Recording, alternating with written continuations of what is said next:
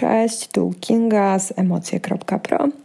W dzisiejszym odcinku chciałabym poruszyć temat uzależnień behawioralnych, czyli takiej sytuacji, gdy czynności przejmują kontrolę nad naszym życiem. Termin uzależnienie jest chyba znany każdemu z nas. Kiedy zaczynamy zastanawiać się nad tym, co faktycznie on oznacza, prawdopodobnie przed oczami stanie nam osoba uzależniona od alkoholu czy narkotyków. Uzależnienie od substancji psychoaktywnych doczekało się ściśle określonych kryteriów diagnostycznych, a także poświęcono mu wiele uwagi zarówno w kontekście terapii, jak i naukowym. W 2013 roku amerykańskie Towarzystwo Psychiatryczne włączyło zaburzenie uprawiania hazardu do kategorii zaburzeń i nałogów. W ten sposób oficjalnie potwierdzając istnienie uzależnień behawioralnych. Czym jest uzależnienie behawioralne więc? Można powiedzieć, że uzależnienie behawioralne, czyli czynnościowe, innymi słowy, jest definiowane jako zespół objawów, które są związane z utrwalonym, wielokrotnym powtarzaniem określonej czynności lub grupy czynności w celu uzyskania takich stanów emocjonalnych jak przyjemność, euforia, ulga czy uczucie zaspokojenia. Obecnie uzależnienia niezwiązane z substancjami zyskują coraz więcej uwagi zarówno ze strony klinicystów, badaczy, jak i ogólnej populacji ze względu na rosnącą liczbę osób zgłaszających się po pomoc z objawami, które są charakterystyczne dla zaburzeń kontroli impulsów. Formalnie do tej grupy włączany jest wciąż jedynie hazard, Natomiast nieformalnie może obejmować ona szereg czynności, takich jak zakupy, seks, korzystanie z internetu, angażowanie się w związki uczuciowe, praca, aktywność fizyczna czy jedzenie. Większość tych działań jest częścią życia każdego z nas. Wykonujemy je codziennie, czasem wielokrotnie. Kiedy więc powinniśmy stać się bardziej czujni, kiedy możemy zacząć podejrzewać, że uzależnienie behawioralne dotyczy właśnie nas? Są pewne sygnały alarmowe, które mogą o tym świadczyć. Kiedy Twoje życie zaczyna być zdominowane przez jakąś czynność, poświęcasz jej coraz więcej czasu, zaniedbując inne obowiązki czy przyjemności, a także pojawiają się nieprzyjemne konsekwencje w postaci utraty znajomych, pracy, pogorszenia relacji w rodzinie. To może być sygnał, który powinien dać Ci do myślenia. Podobnie jak w przypadku uzależnień od substancji, istnieje szereg kryteriów pomocnych w rozpoznawaniu uzależnień behawioralnych. Pierwszym kryterium jest zaabsorbowanie. Oznacza ono, że dane zachowanie staje się dla nas najważniejsze. Dominuje nasze życie, stając się pierwszą i ostatnią aktywnością, jaką mamy do wykonania w ciągu dnia. Początkowo mogą to być pojedyncze gorsze dni, w których zamiast iść do pracy, bierzemy dzień wolny i wybieramy się na zakupy. Kiedy zaczyna się to zdarzać coraz częściej i zaczynamy mieć z tego powodu nieprzyjemności, czy nawet tracimy pracę, jest to sygnał ostrzegawczy, że nie jest już to po prostu czynność wykonywana raz na jakiś czas na poprawę nastroju, ale staje się naszym nałogiem. Drugim takim e, czynnikiem, takim sygnałem alarmowym jest modyfikacja nastroju. Oznacza to, że wykonanie danej czynności sprawia, że czujemy się lepiej. Najczęściej jest ona mechanizmem radzenia sobie ze stresem, przygnębieniem oraz innymi negatywnymi emocjami lub trudnymi zdarzeniami. Ma ona być swoistym środkiem na wszelki ból. Sprawianie sobie małych czy dużych przyjemności od czasu do czasu, takich jak zakupy, wyjście na siłownię czy do kosmetyczki, jest czymś zupełnie normalnym, a nawet wskazanym. Jednak jeśli jest to sposób na ucieczkę od przytłaczających nas emocji, powinno nas to zaniepokoić. Kolejnym takim sygnałem alarmowym jest tolerancja, czyli taka sytuacja, w której do osiągnięcia gratyfikacji, którą najczęściej jest modyfikacja nastroju, potrzebne są coraz dłuższe epizody zachowania, wzrost ich częstości lub intensywności. Czynności początkowo wykonywane raz na jakiś czas stają się dominującym elementem naszego życia, bez którego nie potrafimy przetrwać dnia. Z czasem, aby osiągnąć taki sam efekt poprawy nastroju czy samopoczucia, czynność ta lub czynności wykonywane są coraz częściej lub bardziej intensywnie. Na przykład kupujemy coraz więcej, ćwiczymy trzy razy dziennie zamiast raz itd.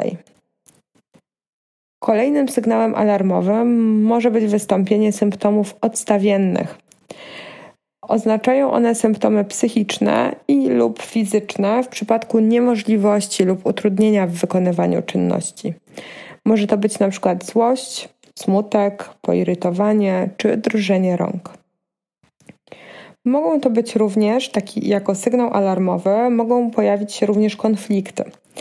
Pojawiają się tutaj zarówno konflikty interpersonalne, na przykład z rodziną, przyjaciółmi, jak i innymi aktywnościami, przykład z pracą, a także konflikty wewnętrzne, przykład wskutek poczucia utraty kontroli nad danym zachowaniem.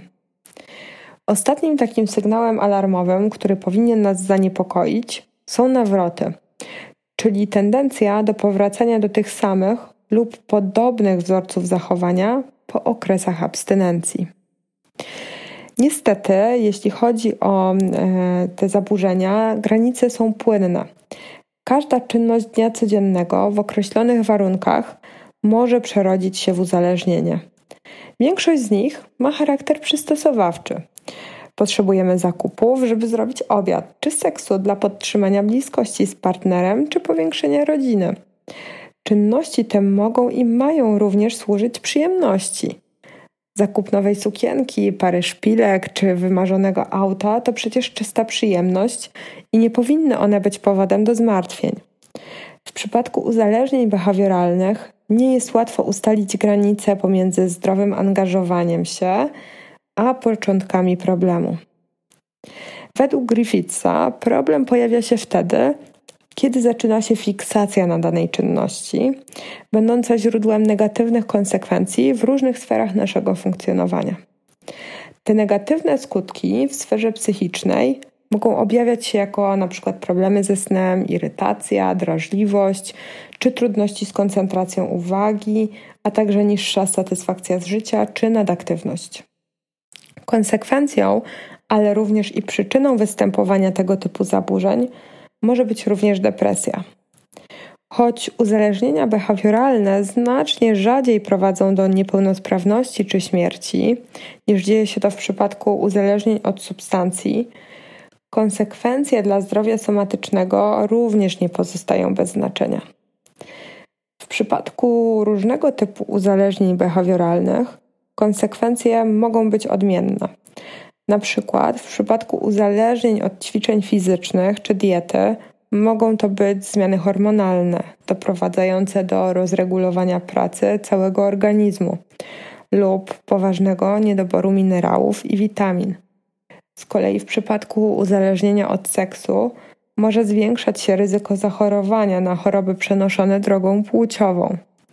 Coraz częściej słyszy się także o przypadkach, w których wielogodzinne maratony gier komputerowych doprowadziły do śmierci wskutek deprywacji podstawowych potrzeb fizjologicznych, takich jak sen czy jedzenie. Także sfera kontaktów społecznych nie pozostaje bez szwanku. Ze względu na kompulsywne oddawanie się danej czynności, może pojawiać się izolacja społeczna, zaniedbywanie innych czynności w takich obszarach jak życie zawodowe, rodzinne czy relacje przyjacielskie. Skąd w takim razie biorą się uzależnienia? Skoro mają tyle negatywnych konsekwencji, dlaczego wchodzimy w ten niekończący się krąg powtarzania jednej lub kilku czynności? Na to pytanie łatwiej będzie nam sobie odpowiedzieć, zapoznając się z przyczynami rozwoju uzależnień. Obecnie za najlepiej wyjaśniający etiologię uzależnień od czynności oraz uzależnień w ogóle uznaje się model biopsychospołeczny, który integruje czynniki biologiczne, inaczej genetyczne, a także psychologiczne oraz społeczno-kulturowe. Identyfikacja czynników biologicznych odbywa się głównie przy pomocy neuroobrazowania. Dzięki niemu jesteśmy w stanie określić struktury mózgu zaangażowane w powstawanie uzależnienia. Podstawowym modelem neurobiologicznym uzależnień jest model związany z układem nagrody i neuroprzekaźnikami dopaminą oraz serotoniną. Układ nagrody odpowiada m.in. za kontynuowanie zachowań niezbędnych do przetrwania, np. jedzenie, picie czy sen. Wykonywanie tych czynności wpływa na zmianę poziomu neuroprzekaźników w mózgu, wywołując poczucie przyjemności. Na przykład smaczny obiad odpowiada za około 50% wzrost wydzielania się dopaminy. Z kolei przyjęcie amfetaminy aż o 1000%. Poziom dopaminy rośnie również, kiedy jesteśmy zakochani. Co ciekawe, aż 95% obrazów fMRI mózgu wykonanych podczas orgazmu pokrywa się z obrazem mózgów heroinistów. Nic więc dziwnego, że chcemy powtarzać czynności, które naszemu mózgowi i ciału sprawiają przyjemność. Dopamina bywa również nazywana neuroprzekaźnikiem wzmocnienia, ponieważ uważa się, że zwiększa ona motywację do działania. Z kolei zmiany w systemie serotoninergicznym mogą prowadzić do upośledzenia kontroli impulsów i w konsekwencji podejmowania kompulsywnych działań. Powstawanie i rozwój uzależnień są więc w pewnym stopniu uwarunkowane neurobiologią naszego mózgu. Na powstawanie i rozwój uzależnień behawioralnych, podobnie jak w przypadku innych zaburzeń, mają wpływ również czynniki psychologiczne oraz społeczne. Wśród nich znajdują się m.in. zaburzenia obsesyjno-kompulsywne, trudności z regulacją nastroju, radzenie sobie ze stresem, deficyty w zakresie umiejętności interpersonalnych, rozwiązywania problemów, duża impulsywność, zaburzenia psychiczne, takie jak depresja czy zaburzenia osobowości, a także relacje z rodzicami czy środowisko, w którym żyjemy. W badaniach wykazuje się również zwiększone ryzyko wystąpienia konkretnych typów uzależnień behawioralnych u osób z określonymi cechami osobowości. Na przykład okazało się, że im wyższy poziom neurotyzmu, tym częściej osoby przejawiają objawy uzależnienia od internetu, ćwiczeń, zakupów oraz nauki. Z kolei sumienność okazała się czynnikiem chroniącym w kontekście uzależnień od Facebooka, gier, internetu i kompulsywnego kupowania. Oczywiście są to jedynie czynniki ryzyka. Należy pamiętać o tym, że nie u każdej osoby posiadającej wyżej wymienione cechy rozwinie się uzależnienie behawioralne. Może się pojawić takie pytanie, czy jest to problem nielicznych osób, czy dotyka tylko część osób i jest dosyć rzadkim zaburzeniem, czy może jest to problem naszych czasów. Nowe uzależnienia. Właśnie takim sformułowaniem mm, Guereshi określił uzależnienia behawioralne, w których substancje chemiczne nie odgrywają żadnej roli, a ich przedmiotem są zachowania i działania akceptowane społecznie. Raport opublikowany przez Centrum Badania Opinii Społecznej w lipcu 2012 roku wskazuje na to, że ponad 50 tysięcy Polaków jest uzależnionych od hazardu. Milion przejawia symptomy uzależnienia od zakupów, natomiast uzależnienie od pracy dotyczyło około 10% społeczeństwa. Obecnie uzależnienia behawioralne stają się coraz powszechniejszym problemem i dotykają coraz większej części społeczeństwa. Rosnące tempo życia, wymagania stawiane sobie i innym, przeniesienie dużej części życia w świat wirtualny pociągają za sobą stres i negatywne emocje, z którymi niestety nierzadko nie potrafimy sobie poradzić. Może prowadzić to do depresji oraz ucieczki w alkohol, narkotyki czy inne uzależnienia, co daje pozorne poczucie radzenia sobie. O ile uzależnienia od substancji są w pewnym sensie akceptowalne społecznie, o tyle uzależnienia behawioralne uważane są bardzo często za fanaberię i wymysły.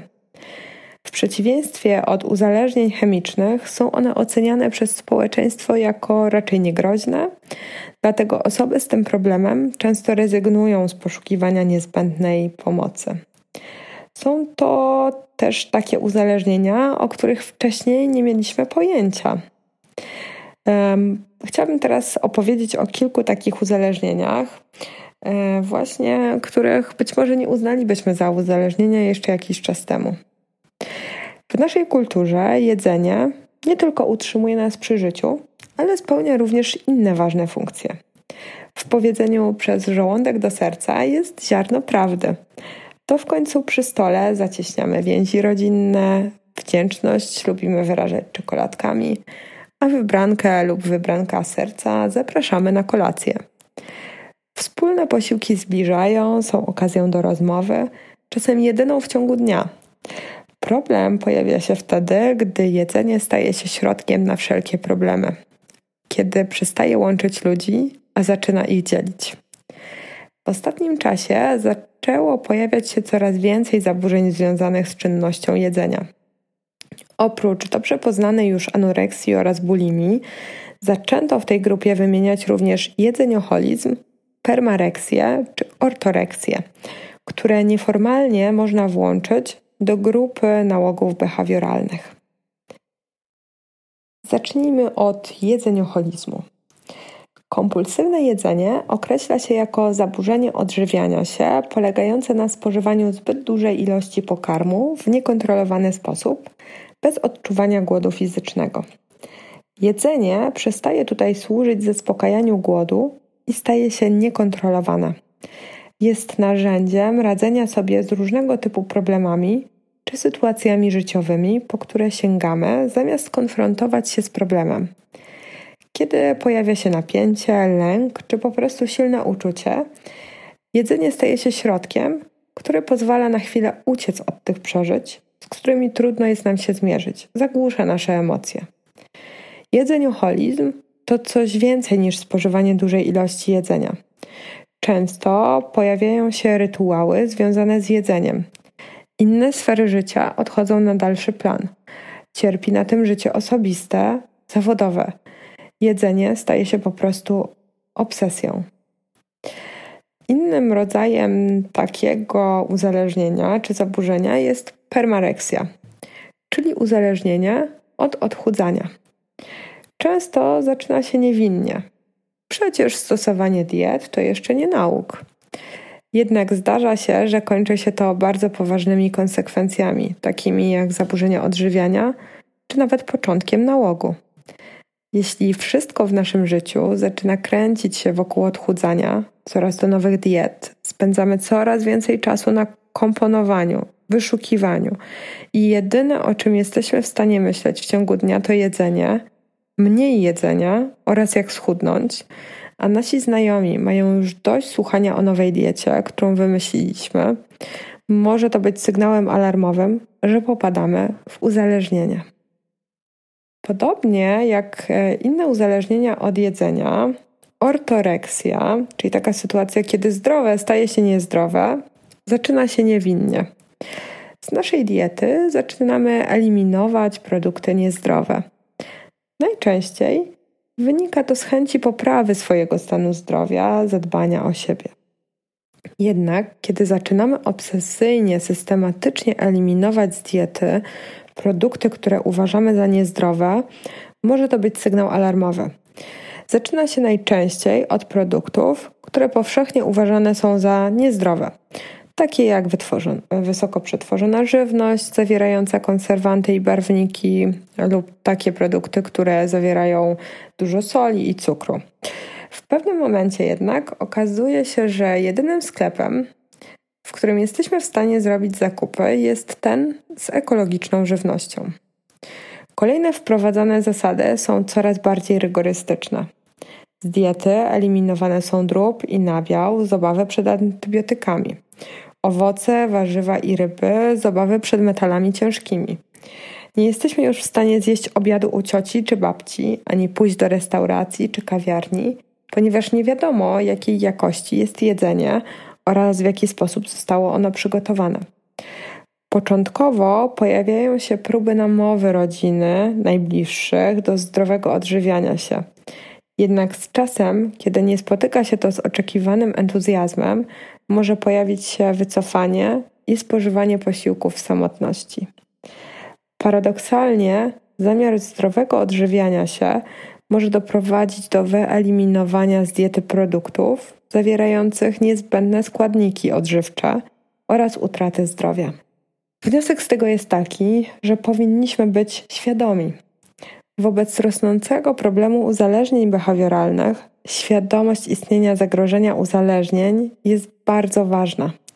Dzięki temu możemy być bardziej czujni wobec swojego zachowania lub zachowania naszych najbliższych i ustrzec się tym samym od jego długofalowych szkodliwych konsekwencji, w porę poszukując pomocy. Jeśli zaobserwujecie opisane wyżej sygnały ostrzegawcze mogące świadczyć o początkach uzależnienia, nie bójcie się zwrócić po profesjonalną pomoc psychologiczną czy psychiatryczną. Dziękuję Wam bardzo za uwagę. Życzę miłego dnia i zapraszam do kolejnych odcinków.